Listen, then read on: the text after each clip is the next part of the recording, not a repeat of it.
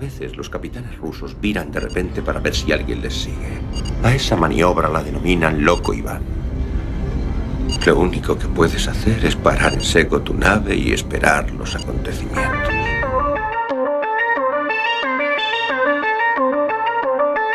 Galaxy 347 of Space Patrol calling unidentified ship.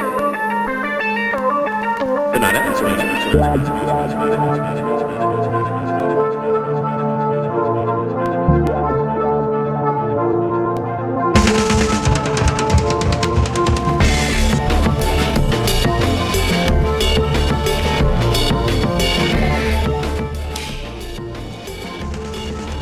Moi boa noite a todos e a todas. Pre Párense para pasar unha hora repleta de aventuras a bordo do submarino nucelar máis intrépido de toda a Unión Soviética.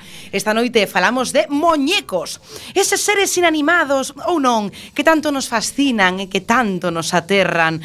Recreacións pequeniñas de nos mesmas, con todos os nosos defectos e as nosas virtudes. Teremos entrevista cun experto titiriteiro e ademais, como sempre, contaremos con noticias, música e o noso relato semanal.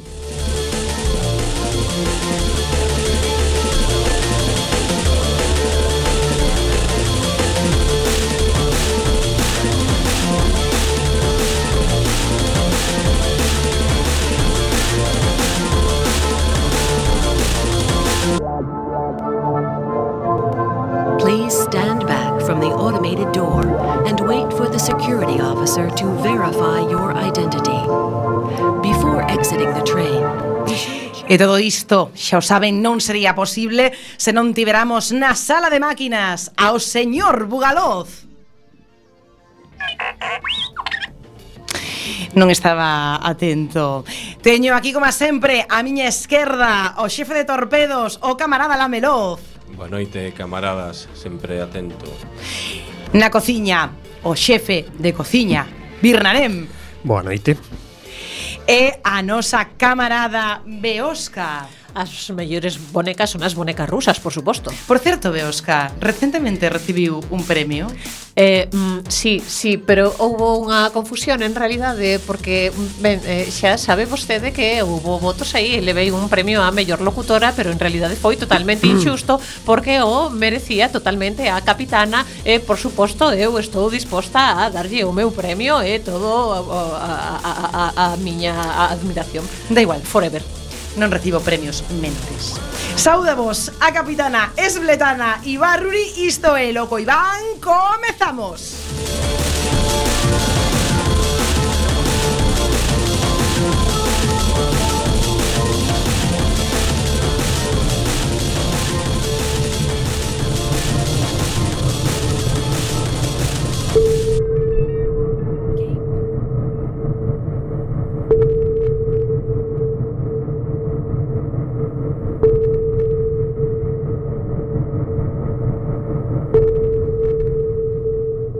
E esta noite, cando son as 10 e 3 minutos da noite, estamos surcando as escuras augas do río Monelos. Temos que saudar tamén a dúas eh, convidadas esta noite no submarino.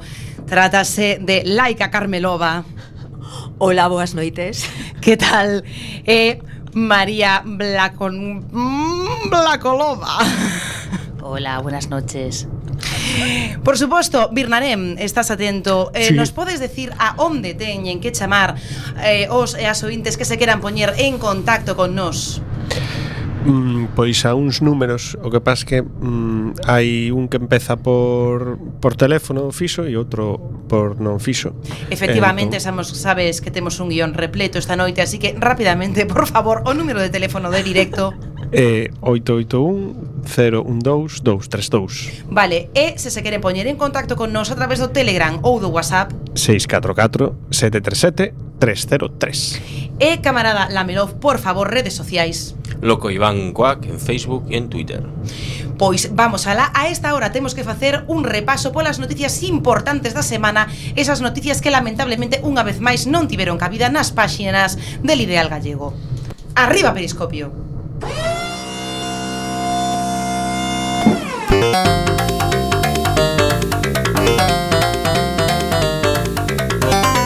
FM. Loco Iván. Periscopio.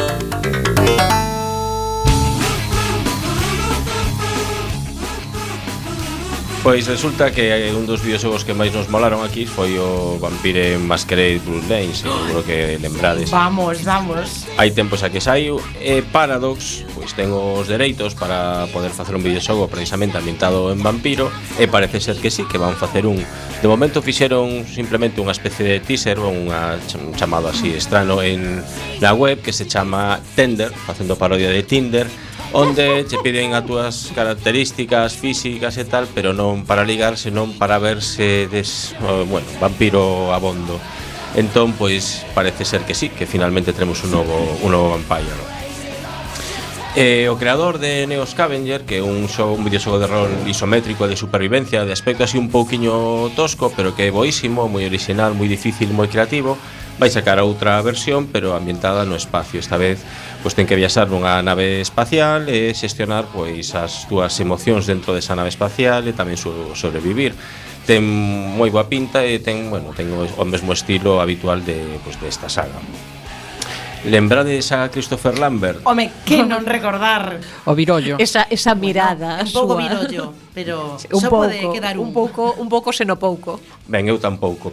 Pois, eh, resulta que este participa nunha, nunha película rusa Que, bueno, sobre o campo de Sobibor Que seguramente le saberedes que foi pues, un campo de concentración nazi Onde conseguiron escapar 300 persoas pues, durante a Segunda Guerra Mundial.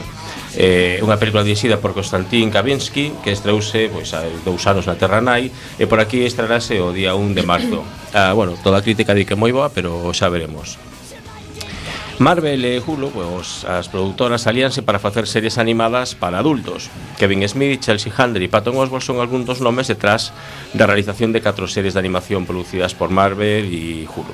Serán Modoc, na que o coñecido estrambótico malvado loida por manter a, a orde dentro da súa excéntrica organización criminal. Como hai. Pois si, sí, Hitmonkey, un mono xaponés, da neve que móvese por un Tokio sobrenatural. Como os Mendeleev. Sí, exactamente, me estaba pensando en eso. Tigran and Dazzle Show, protagonizado por estas dúas heroínas, eh, con produción e guión de Erika Rivinoya e Chelsea Handler, e Howard the Duck, que seguramente Bueno, a mí moito me encantaba. Pois vai facer un capítulo nesta nesta serie que Só me encantaba que... a min, a, o resto da xente odiaba bastante a Howard o Pato, pero que era un, ah, pato bastante mítico. En THQ Nordic segue mercando licencias, outro día falamos de que mercara licencias de Aucas, e agora tocolle o turno a un dos mellores videoxogos de rol dos últimos anos, Kingdom Come Deliverance entón compraron a licencia sabedes que Kingdom Come Deliverance aí por crowdfunding e agora pois a ver que fan co, bueno, pois igual saerá nova expansión, expansión, eso. System Shock 3 eh, que tamén é outro dos grandes pois está con un pouco con problemas, están desenvolvendo pero a licencia tiña Starbreeze temporalmente agora por lo visto non teñen cartos entón devolven outra vez a Otherside Games eh, a ver que pasa. RM Software eh, preparan un videoxogo de simulación eh, que se chama The Stick Bush Flight Simulator que os Bush Pilots son os pilotos estos que van pues, por Alaska ou por la taiga siberiana mm. en condicións bastante difíciles onde non hai apenas pistas de aterrase pues, para levar provisións ou para le, facer tarefas de rescate ou vixiancia pues, vai facer un simulador para deixar alguén que haxa que deixar pola ali. igual, bueno, eso, sh.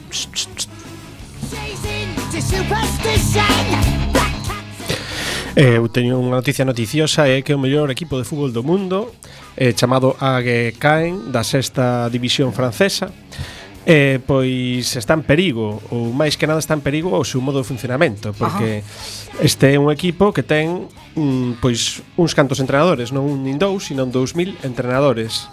Xe complicado.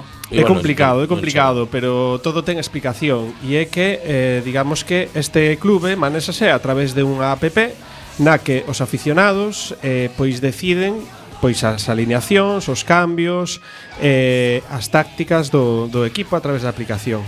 Fatalidade Por o equipo participado. Por iso está en sexta división. Os ah. procesos participativos, xa sabes. Pois que... recentemente acaban de ascender e se ve que, que non vai mala cousa. O que pasa é que na Liga Francesa parece que non lles gusta o, o concepto. Retransmiten os entrenamentos e os partidos e os outros equipos din que tamén lles queren, queren que lles paguen parte desos, de desos, desos dereitos. dereitos ou non sei que, que lío pasa pero ata agora están atraendo incluso pois eh, aficionados de París, de Bélxica e de, de outros lados por esta novedosa modelo de, de xestión cooperativo do, do pois equipo. Pois estou totalmente en contra porque onde estea un mando unívoco e dictatorial como que hai neste submarino, pois eh, nada como eso. Viva capitana. Por Viva. suposto, pero non me olvido do que fixeches. Eh, algo máis, algunha noticia máis? Non temos, pois baixamos periscopio.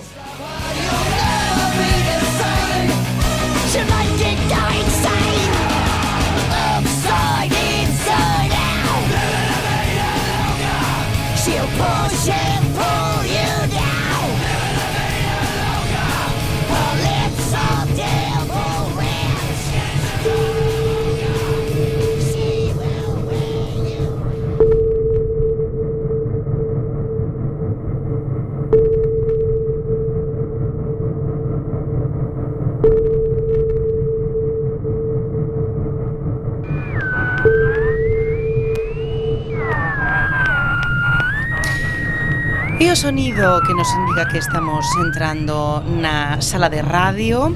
Eh, Chamo inmediatamente a que se presente a filas Laica Carmelova. Boa noite. Hola, boa noite. Que canción lle gustaría escoitar? Eh, escándalo.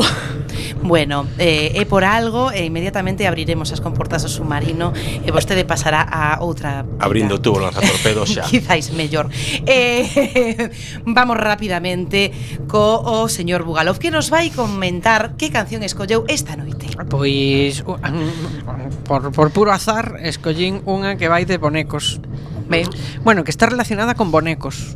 E con escándalos, probablemente. Eh, Eh, bueno, sí, o autor é bastante o autor é bastante escandaloso, porque se ti te pos a pensar nunha peli con bonecos, pois seguro que en, en dentro do labirinto é unha das que Oh, sí. E tendo en conta que o cantante semella tamén un pouco boneco, eh, era o prota da peli, eh, o noso querido, adorado e tristemente finado Ahora, a David Bowie muñeco. ese, ese, sí, o resto, eh, que, digo eu, que sería dos, eh, dos ollos de, dos, de dúas cores?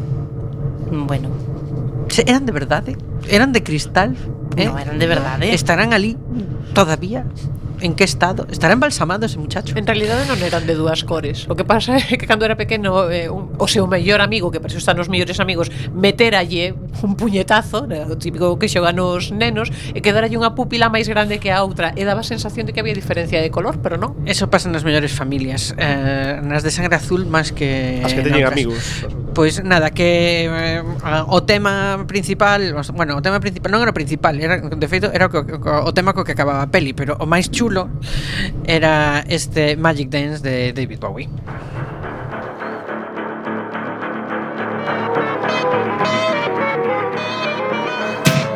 You remind me of the babe, babe with the power, power of voodoo. voodoo. You do, do I? remind me of the babe. I saw my baby.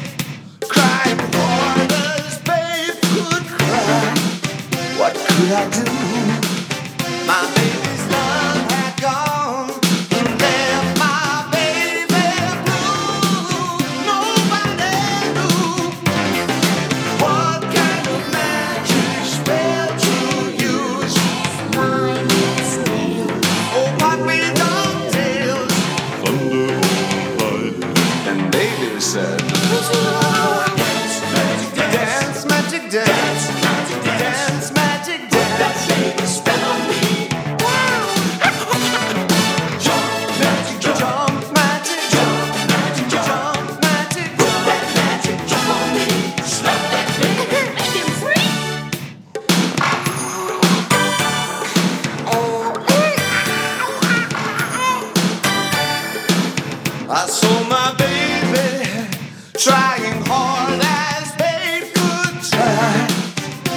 sous la debout.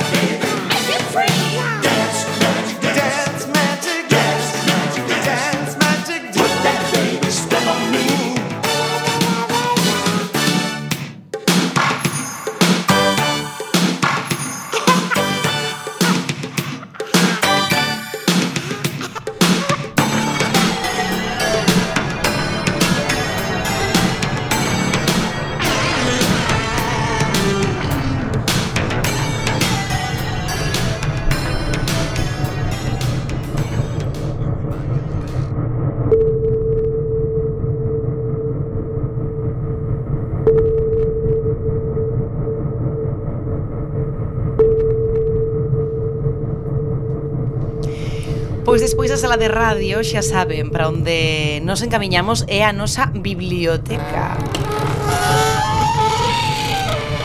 A Porta Merder segue sen funcionar correctamente. Em, antes de nada, Se darán conta as nosas queridas ouvintes que falta unha persoa importantísima neste submarino que é o noso I .m.m. intelectual moderno de Merder. Nos referimos ao camarada Esmendrellev. Oxe, por que non está aquí? Porque é o seu 80 aniversario e quero oh, que todos... que bonito! Sí. E bueno, deixamos escapar para que fora xogar o mus con todos os seus amigos. E o que máis importante neste momento estará en algún lugar comendo tarta con tesa. e limóns deses. E limón xeado. Con confitados e xeados. Efectivamente. Pero, sen embargo, si sí vamos a facer ese ritual eh, totalmente falso que cada semana repetimos de escoller un libro que totalmente o azar vai falar ou vai intentar falar do tema do día. Para eso temos que chamar esta noite de forma especial o señor Bugalov. Bueno, pero non vou escoller nada. É que te, aquí na biblioteca hai, hai un libro con, post, con post-it que, que o deixou bueno. Esmendrellev. Entón, claro, pois...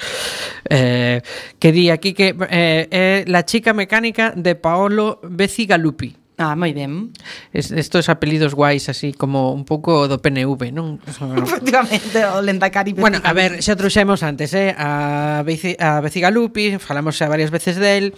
Eh, bueno, a súa fama, a súa zona, a súa calidade eh, escribindo ficción climática e biopunk ben merece que o traíamos unha vez máis. Nesta ocasión, o que traemos un pequeno fragmento da súa obra máis coñecida que se chama A rapaza mecánica. O, o libro foi gañar aí o Nébula, que non está mal, o Hugo tamén, que tampouco está mal. está mellor, de feito, dos, en 2009 o Nébula e o 2010 o Hugo e a mellor novela o Compton Crook de 2010 e o premio Locus 2010 a, prim, a mellor primeira novela porque ademais é o típico que ópera prima ala, un bacarrá Hugo, Nébula eh, e todo isto. O título original de Wind Up Girl é, é moi axitado porque a expresión Wind Up eh, que é difícil de traducir, pode significar moitas cousas dependendo do contexto. Así pode ser o remate de algo, como o, o proxecto dunha empresa, e eh, mico xusto iso, un proxecto bioxenético, eh, unha provocación, algo que anoxa e molesta, e a beleza artificial de Mico feita para revelar a súa natureza de deseño. Aquí se lle notan os 80 anos a... sí. Enoxa a, enoxa a moita xente, É algo que remata como unha discusión ou o peche dun negocio. E esa era a función orixinal de Mico, pechar tratos. No mundo da moza mecánica, os neoseres son feitos non de todo a imaxe e semellanza das persoas, senón que se lles deixan pequenos defectos, pequenas taras, para distinguilos claramente e facer máis difícil a súa independencia. Así, Emiko ten un desexo case canino de obedecer a autoridade, eh, pois non sei, o, sea, o, o, o can que tivo Smendrellev non obedecía en ningún momento. no, no, no feito... Colleulle espía logo a partir de aí, pero bueno. eh, E que máis? É que ten así uns movimentos un pouco espasmódicos robóticos como os dun autónoma, no, autómata, eh, bueno, non un autónomo, autónoma tamén autónomo, a veces. Os autónomos ás veces tamén facemos iso e leva moi mal o clima tropical, xa que a súa pel sempre seca e suave como a seda non produce eh, A mira, como a camarada da Meló. Pero máis aínda de todas estas Toda cousas, de todas estas cousas mecánicas e eh, tal, o desexo de vivir desta boneca de deseño é humano a tope. O es vaya post-it. Tamaño dunha sábana. Mira non, ti é que que- escribe moi pequeniño, moi pequeniño. Claro. claro. Mira ti que o camarada aparentaba 85, eh, que non ia dicir. Pois sí. Está feito un rapaz. Sí.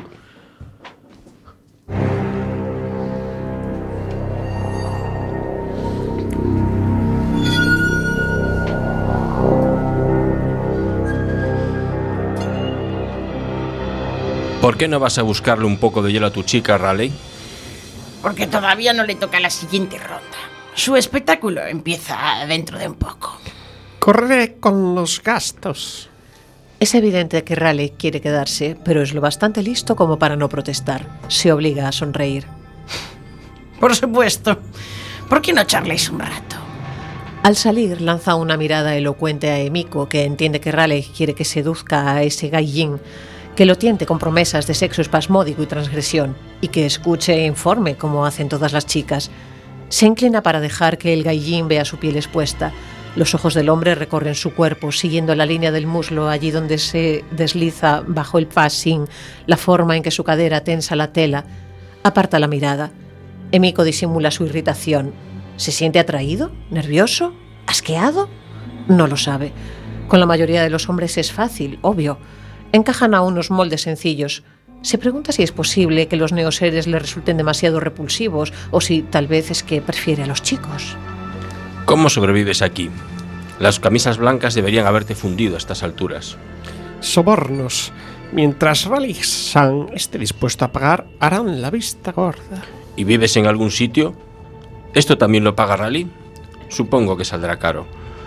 Raleigh San lleva la cuenta de mis deudas. Como si lo hubiera invocado con esas palabras, Raleigh regresa con el hielo. El gallín hace una pausa cuando Raleigh cruza la puerta. Aguarda con impaciencia mientras Raleigh deja los vasos encima de la mesita.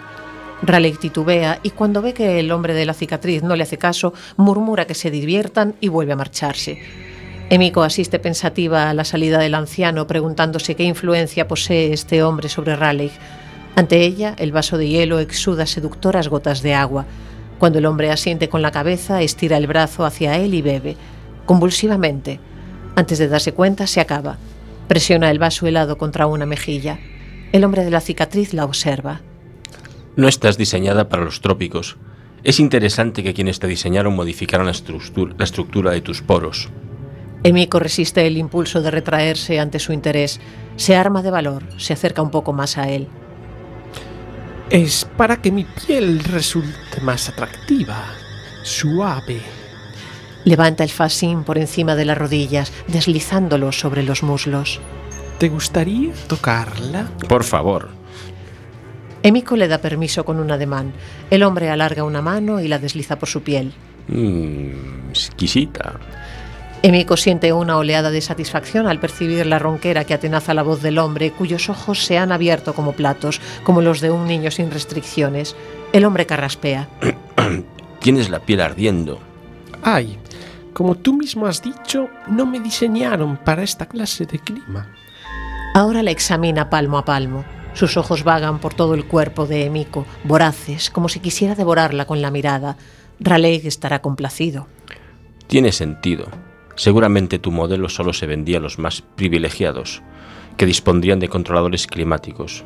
No les importaría pagar el precio. Mishimoto era una de las Mishimoto. No puede ser diplomática. El gobierno jamás dejaría entrar una chica mecánica en el país, no con la postura religiosa del palacio. Mishimoto se libró de ti, ¿verdad? Emiko combate la repentina punzada de vergüenza.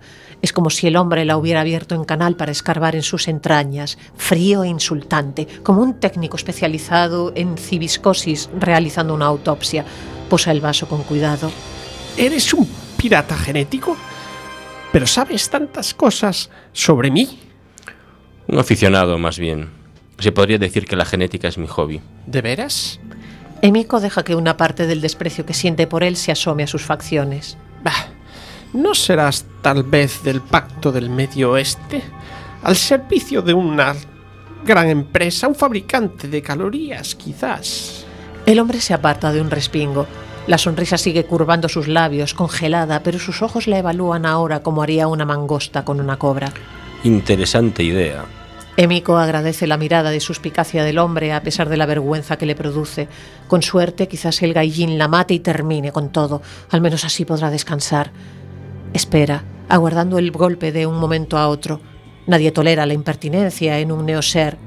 Mizumi Sensei se aseguró de que Emiko jamás exhibiera el menor atisbo de rebeldía.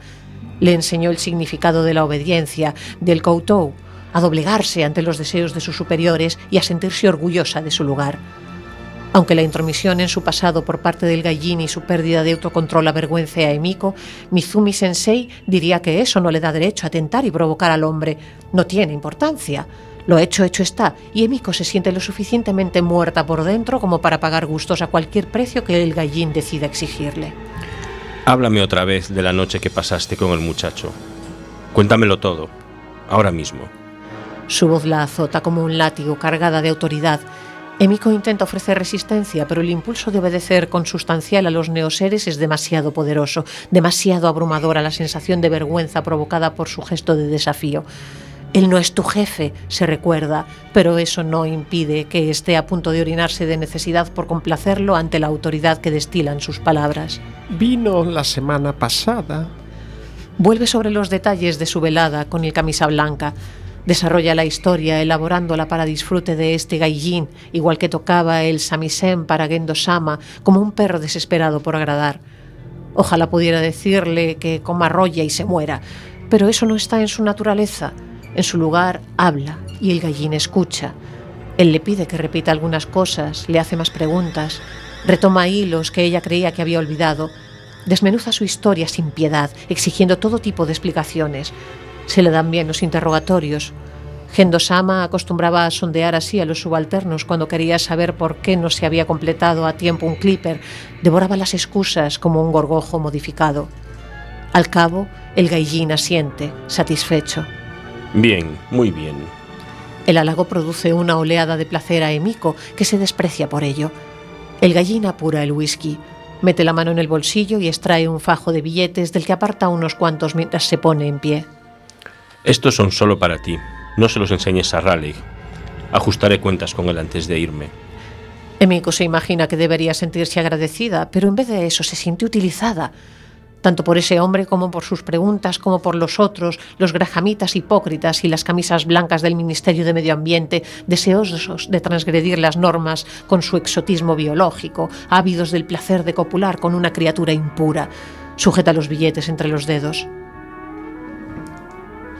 ¿Qué cree el caballero que haré con sus paz de más? ¿Comprarme alguna joyita bonita? ¿Regalarme una cena?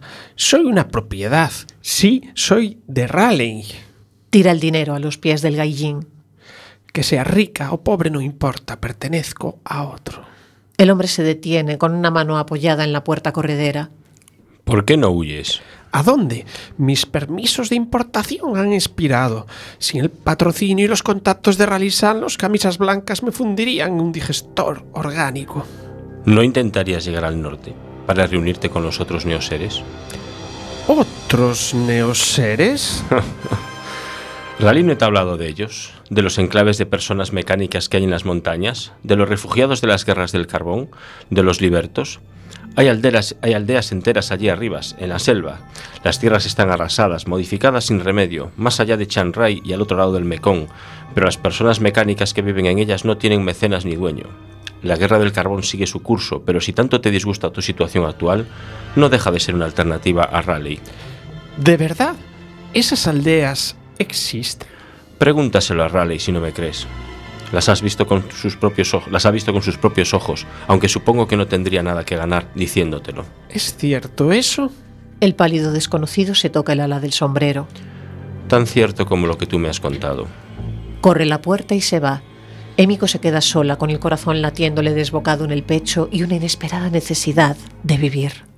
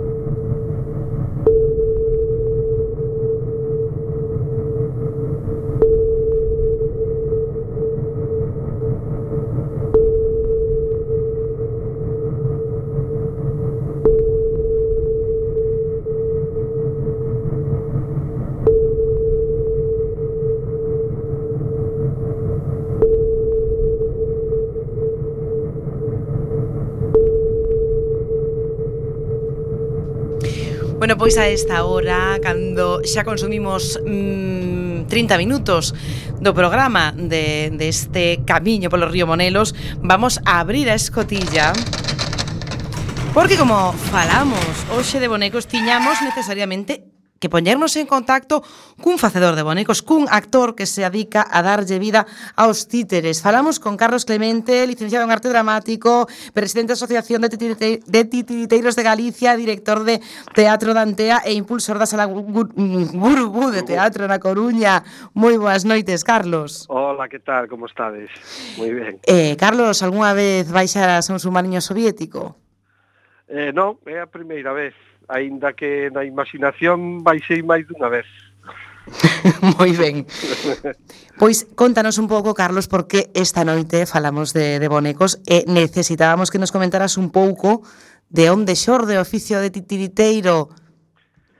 Pois, home, si falamos de min de fai uns cuantos anos, se falamos dos títeres en xeral, pois fai uns cuantos siglos, o sea, xa se facía representacións, digamos, manifestacións para teatrais cos títeres e cas sombras eh, co, co lume, non? Ao fogar eh, pois eh, facendo sombras, empezaron así un pouco, non? facendo sombras co lume eh, logo representando, facendo imágenes eh, a partir de aí pois ata agora, ata presente. E vostede eh, como decidiu facerse porque falábamos un pouco antes eh cando preparábamos un pouco a entrevista de sí. que mm, é o seu oficio, pero a vez tamén é como como seu maior eh, hobby este este sí. do titiriteiro. Como vostede decide un día decir, bueno, eu vou ser titiriteiro? Pois eu estaba facendo arte dramático entre outras carreiras e un día chamáronme eh, para facer unha animación eh, co, co grupo eh, os monicreques de Cucas que uh -huh. levaban, levaban uns anos eh, re, recuperando a, os títeres en Galicia eh, a partir de aí eh, xa me quedei con eles eh, encantáronme eh, a, a maxia, a fantasía que teñen na hora de facer unha dramaturxia, unha narración, unha historia. Uh eh, mm, darlle vida aos osetos, non? Non só as marionetas, sino os osetos en xeral, non? Xa o levas un pouco tamén de pequeno eso, non? De, o, o xogo simbólico, non? De xogar cos, cos muñequiños e todo eso, non? Entón, pois, a partir de aí, invitáronme a facer unha unha, unha especie de pasarrúas e a partir de aí xa enganchei. O sea, estamos falando de fai 30 casi 40 anos. Bueno, porque porque está usted feito un chaval. Mire, eh, falábamos, falaba agora mesmo que, que decía un pouco de, de con quen empezou Galicia é terra, é terra de títeres. Home, sí, eh, estaba Riga Verde, que se recuperou a figura eh, deste personaxe, eh, que andaba polas eh, festas de Galicia, eh, deixou de actuar, eh, mm, eh, mm, bueno, eh, un dos primeiros titiriteiros que recuperaron a tradición foi Cucas. Eh, a partir de aí empezou máis ou menos todo de novo, outra vez a, a recuperarse. De feito, a compañía deles creo que este ano cumplen 40 anos de, de existencia, de, digamos, de, da, da nova configuración do, do mundo do títer en Galicia, non? Mire, e xa que estamos aquí, eh, nos somos un submarino soviético que surcamos moito, pero soemos estar por cerca, rondamos moito eh, Coruña. Así que contenos un pouco que proxectos que podemos ver eh, relacionado con títeres ou non, se nos acercamos ata a súa sala, ata Gurugú. Pois, mira, a, en breve empezaremos a programación. A sala naceu eh, sendo eu mm, presidente da, da Unión Internacional da Marioneta en Galicia, que é unha confederación mm, da UNESCO. Eh, en principio a sala de teatro empezaba como unha sala de títeres, non?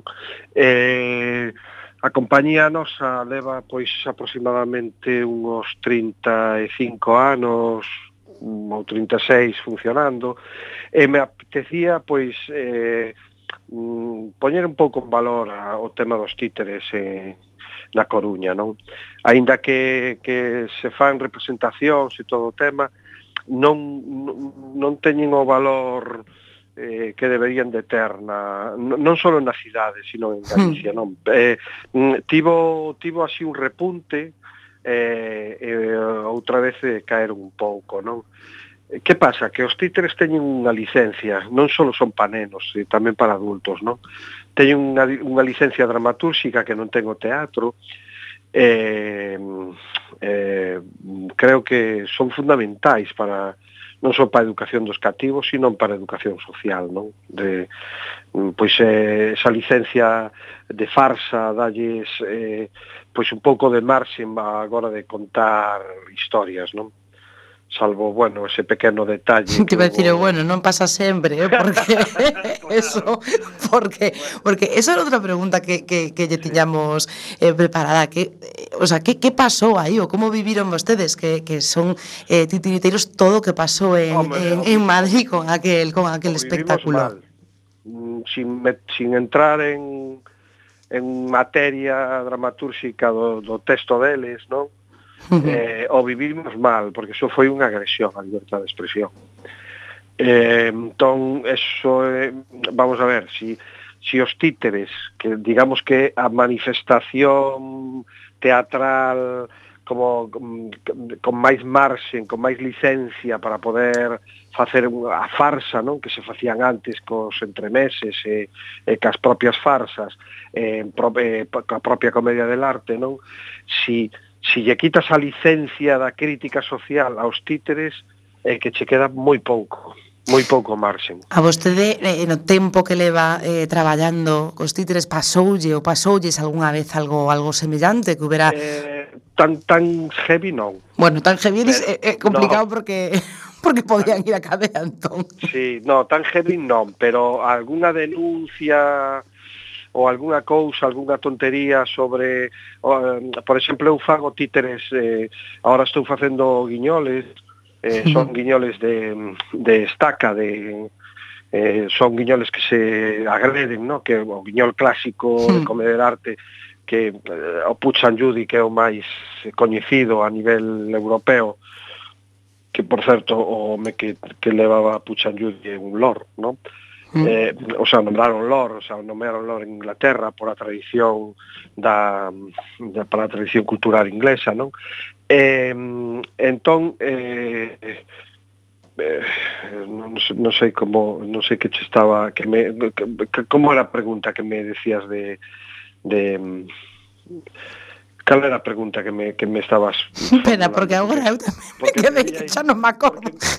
porque me liei Per- perdí Os de, de, de do xuizo de todo isto. No, que está pasando que eso, que se te había pasado algunha vez que se vos pasará ah, algo, eh, algo claro, similar. Efectivamente.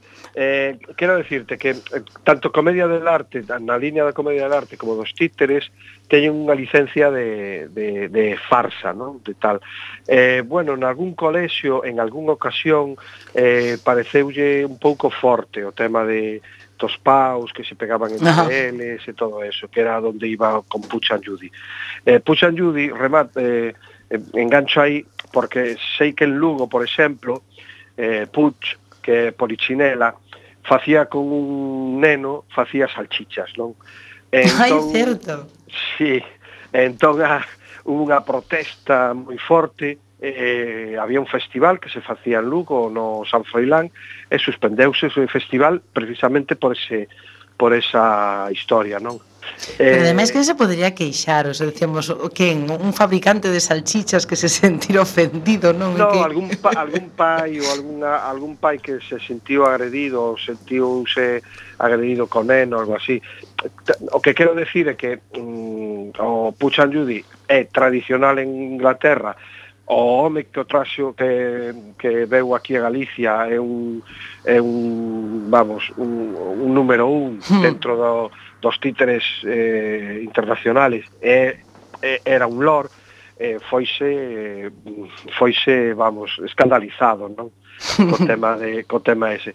Entón que pasa? Eh, si si hai cousas, non?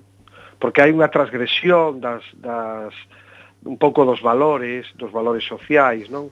Entón, esa, esa licencia que teñen os títeres, de algún xeito foi o que me enamorou a mí, eh, tra, traballar cos títeres, non? Porque no teatro, ainda tal, hai unha pequena, hai como unha máis unha pequena autocensura non? no traballo pero nos títeres teñen unha licencia moito maior de, de todos os xeitos a partir de, do incidente de Madrid eh, os títeres baixaron bastante de, de traballo. Vaya. Non eles precisamente, eles precisamente non. El, eles sí, precisamente, eso. Eles precisamente tiveron máis funcións, pero pero máis funcións en determinados lugares, non? Pois, eh, Carlos, eh, para despedirnos xa, pero para que a xente retome e vaya e, e, e haxa tamén máis transgresión e tamén para que os nenos eh, aprendan e a xente tamén socialice, sí, claro. por favor, dinos eh, en antena aquí a onde temos que ir, onde está a Sala Gurugú, eh, e, eh, e, eso, e, e cando podemos bueno. ir? A sala, mira, nós temos funcións eh, sábados e domingos, os fins de semana. Eh, a Sala Gurugú está no, no barrio de Agra do Orzán no número na rúa Agradorzán número 3. Pois Agradorzán número 3 todos os fins de semana, sábado e domingo aí a partir aí, de marzo. A partir de marzo. Bueno, pois queda nada para irnos a Saraburubú, así que esperamos que eh, a próxima vez que, que atraquemos na Coruña o submarino, nos vamos a ir de cabeza un sábado e un domingo. Carlos, moitísimas bueno, gracias. Eh, Encantado, a ver se si algún día podemos viaxar xuntos. Perfecto, pero bueno, terá que facer algunhas probas para ver a ver que, que pode facer no submarino, eh? Vale. Bueno, levo uns compañeiros eh, de fío, si queredes. Perfecto, eso nos ve moi ben. Pois pues moitísimas bueno, gracias, eh, no, Carlos, e moi boa noite. Vale, muy bien, muchas gracias. ¿eh?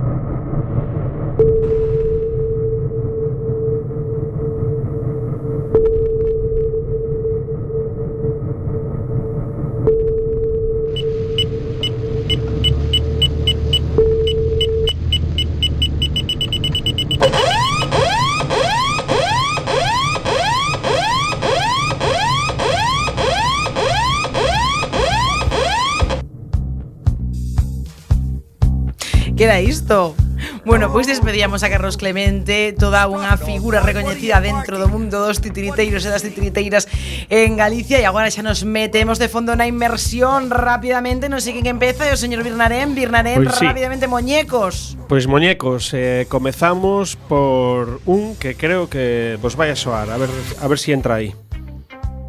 ¿A quién quieres? A mami. ¿Y a quién quieres más después de a mami? A mami. Está bien. A ver, dime, ¿con quién estás hablando ahora? Tú no, mami. Ay, me voy arriba. Pois creo que todos recoñecedes a Tuno Mami. Tuno Mami, a serie de dinosaurios Que eran pois unos muñecos entrañables Menos este pequeño que era diabólicamente divertido Que era que finalmente se fixo prota da, da serie Unha serie dos anos 90 E que, bueno, que tivo bastante éxito hmm. E teño unha segunda serie que non, bueno, que ten por aquí unha intro tamén, a ver se si nos poñen. Terrahawks, stay on this channel. This is an emergency. Bueno, este é o comezo o comezo dunha serie que soa supermoderna, non? Con esos sintetizadores e este tipo de música. Eh, en inglés chamábase Terrorhawks, pero na galega chamábase Os Falcóns do Espacio. Como que eran os Falcóns do Espacio. Os Falcóns do Espacio, que era esa serie que veíamos antes de que empezara Dragon Ball, pero que finalmente acabamos collendo pois moito cariño con esas bolas que xiraban sobre si sí mesmas e facían e morrían a, a, a decenas. Unha serie do ano 1983 que, atención, se desenrolaba durante o ano 2020. É dicir que dentro dun ano estaremos, estaremos máis ou menos que di, pero... ao que ao que, bueno, se veía nos falcos do espacio. Como dentro dun ano. Sí, Home. bueno. Dentro bueno, dun ano? Dentro dun ano non, pero casi. E temos unha unha no, un- outra serie que creo que tamén os vai a soar. ¿Qué ruido dices? suena en tu maletín. ¿Qué maletín? ¡Lucky! ¡Gato malo! ¿Qué haces ahí dentro? Se lo dije, no te metas, no te metas. E tamén soará a música desta, desta serie E era pois unha serie que, eh. bueno, Alf, non? Que todo o mundo coñecemos eh, como que o entrañable extraterrestre que sería que sería comer o gato en todos os episodios da, da familia. A Lucky. Unha... Ahora foi de cantante en Aerosmith. Quen? Alf. O molleco, sí. E, e bueno, é unha serie super divertida Basicamente por Alf Porque a familia é máis aburrida que, que, que bueno, vamos. Bueno, é verdad. Hmm. A familia era un pouco... E, bueno, damos paso a, a seguinte Sabedes, sabedes que foi un breve. Moi ben. Pois eu vou vos falar do curiosísimo nacemento dun dos bonecos máis coñecidos do mundo mundial e incluso do universo. A finais dos anos 70, a casa Mattel, xa sabedes, a de Barbie, Hot Wheels e todo isto, pois non pasaba por un bon momento porque se puxera de moda o de facer bonequiños a partir dunha película a raíz de Star Wars, que por certo, eles no seu momento rexeitaron facelos, o que ah. foi evidentemente unha grandísima equivocación, e logo pois quedaron a rebufo con películas maravillosas, facendo bonecos de películas maravillosas como Furia de Titanes ou Flash Gordon, en fin, un desastre. Ou Galáctica. ou Galáctica. Entón decidiron que tiñan que facer eh, os seus propios bonecos e puxeron aos de marketing a traballar. E os de marketing non, que fixeron foi ir a fonte, ou sexa, os nenos os puxeron ali a xogar e a ver que pasaba. E unha das cousas que vían é que os nenos cando xogan queren ter o control que non lles deixan ter na casa. De feito, claro. facían comentarios como mm, tes que facer isto porque o digo eu. Falaban moito de control, falaban moito de poder poder, de poder. Que clase de frase podemos facer con poder que lles guste sí. aos nenos? Yo Efectivamente, xa tiñan a frase antes de ter o boneco, que ten moito mérito de Dios. Entón, preguntaronlle, eh, preguntaronlle os nenos, entón, con, con quen relacionades ese poder, ese control cos militares, cos policías, con Pedro Sánchez, non sei con quen. No, Eles con Pedro dixeron, Sánchez cos bárbaros que daquela estaban claro. de moda polos cómics de O Destructor de Frank Frazetta. Entón, eh, fixeron un primeiro prototipo que era un boneco cheo de músculos por todas partes, pero ah. absolutamente por todas partes, porque claro, se queres mm, mm controlar e manter o claro. poder, pois tes que ter un pouco de forza para facelo. Hmm. Eh, eh, por outra banda, fixeron algo que non se fixera ata ese momento. Eh, puxeron os, os bon, ese boneco en postura como de, de combate, eh, incluso co rostro... Eh, eh, mm, eh, cos, cos dentes apertados, eh, o ceño fruncido, ah, así. estaban así como, sí, co, eh, con, Colonia, en, Colonia. en esa postura así medio doblada, cos músculos marcados e tal, que ata, ata aquela os, os bonecos eran moi de, non sei, como moi estirados e con cara de mm, todo me cheira nada me ule, eh, non tiñan tanta gracia. Eh, E despois diso, pois, eh, eh, bueno, inventaron uns cantos amigos e eh, eh, eh, inimigos para estas cousas eh, que non me lleían poñer algo tan sumamente viril, por Deus, que nome! He-Man, evidentemente, o home, non podía ter outro nome. Eh, entón, despois disto... Con pois... spray de testosterona incluído. Pois despois disto é de que algunhas compañías xogueteras deran algunhas, bueno, non deron algunhas ideas, puxeron trabas pois de tipo, xa, pero eh, molan moito, pero os nenos non coñecen o background, entón como ides facer? Eh, foi como que eh, mm, eh, mm, po, pois, ah, que non vos contamos que imos meter un mini cómic dentro das caixas para que, ah, vale, vale, entón mola. Logo chegaba tu Isarás. Eh, xa, pero claro, é que ah, eh, co tema de Star Wars e todo iso. Xa, eh, mm, mm, ah, que que nos von, non vos contamos que vai ver serie de debuxos animados. Ah, vale, vale, pois pues moi ben. Con todo isto, He-Man foi pois un arras espectacular entre o 82 e o 87, gañaron diñeiro a exportas, ninguén se imaginaba tal cousa. En o 87, de súpeto, caeron en picado. E como trataron de amañalo facendo unha película Non sei se a lembrade. Pero que non a pudo ver. Que foi o último cravo no ataúde de Masters do Universo bueno, porque foi un truño espectacular. Non era un truño, non era un truño. Era, era, era. Non era. Competía eh, con Flash Gordon. Mm -hmm. En todo caso... Eh, a truño, non? A truño, efectivamente. Bueno, en todo caso, tivo tamén a curiosidade de que antes se facían películas e logo facían bonecos e logo se puxo de moda facer bonecos e logo facer a súa serie de debuxos animados. Espero Así que, que foron moi innovadores en moitas cousas. Como mola esta música! Ah, e agora ven esta Hanov que como contrario de He-Man. he he -Man. Boa noite, capitana. Boa noite. Hola. Boa noite. Aquí o camarada Stajanov traballando, como sempre, desde fora do submarino que está limpo como a máis limpa das patenas. Hoxe quería retorcer un pouco o tema dos moñacos para falar de moñacos que non son moñacos, cousas que non teñen tanta gracia e a peli que en realidad acabou cos moñacos. Estou a falar eh, de La amenaza fantasma, aquela infame precuela de Star Wars que nos levou a todo o mundo ao cine a finais dos 90 e eh, provocou decepcións en masa, vaguas, choros, denuncias eh, e xuramentos de odio eterno a George Lucas sempre ben merecidos. En esa peli, a peli que acabou cos moñacos, porque foi a que colocou o CGI eh, as cousas de ordenador por todas partes, había un aspirante a moñaco que todo o mundo detestou. Estou a falar de Jar Jar Binks. Eh, non vou facer chistes sobre Jar Jar Binks, pois estou vendo xa o camarada Lamelov estremecerse, pensando naquel horror animatrónico que vimos, pero gustaríame romper unha lanza por un dos personaxes máis denostados da saga, non porque o personaxe sexa bo, que non é, senón porque ten algunha historia moi curiosa ao seu arredor que me merece moito a pena contar. Saberedes que hai uns anos un grupo de fans de Star Wars que sempre teñen moito tempo libre eh, elaborou unha teoría paralela na cal eh, Jar Jar Binks en realidade estaba finxindo. E non era un payaso torpón senón que era un malvado Lord Sith que estaba controlando a acción entre bastidores. Tería sido o verdadeiro mestre da escuridade e o verdadeiro un titiriteiro na sombra e por iso pois estaba en todas partes eh, parecía moi torpe pero en realidad nunca o ferían nos combates chegaba a senador eh, estaba metido en todo o que non ten sentido que estivera metido se fora un payaso. Volve a ver as pelis se tedes estómago con esta teoría na cabeza e gañarán moito.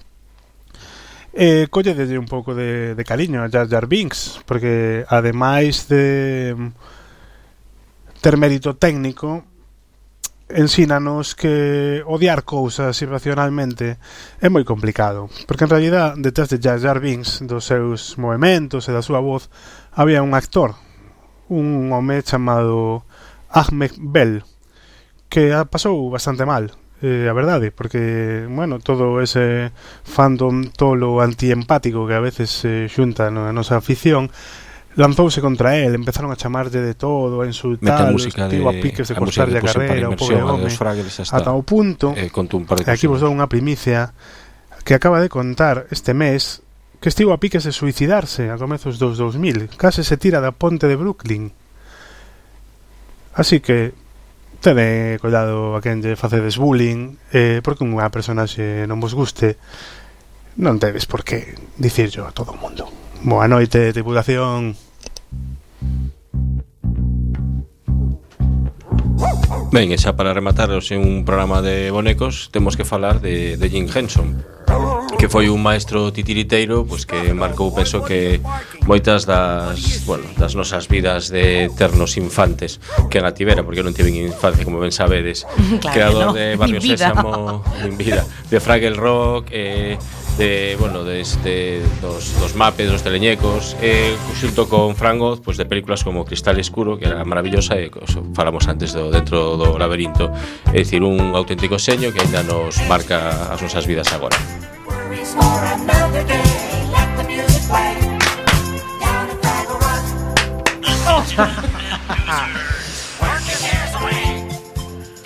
bueno, que chegou o momento de irnos. Nos vamos xogando con monecos, con moñecos, pero nos vamos a ver a semana que ven. A semana que ven teremos máis, máis vodka.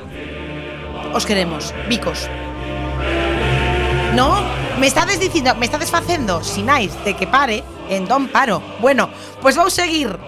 Nada, que os queremos moito, que yo digo sempre. Capitaner, capitaner, Que se cale vostede, que estou ¿Cómo no? despedindo. Ala, que, que, que, que beban vodka con moderación. Eu vou beber agora mesmo, porque xa me están tocando eh, por aí, eh? Dicirme esto, este final. Bueno, nos vamos. Vicos, os queremos. Mais, sigo falando. Parezco Pumares, que queredes? Xa está ben. ¿Sí, verga? Moneco, muñecos.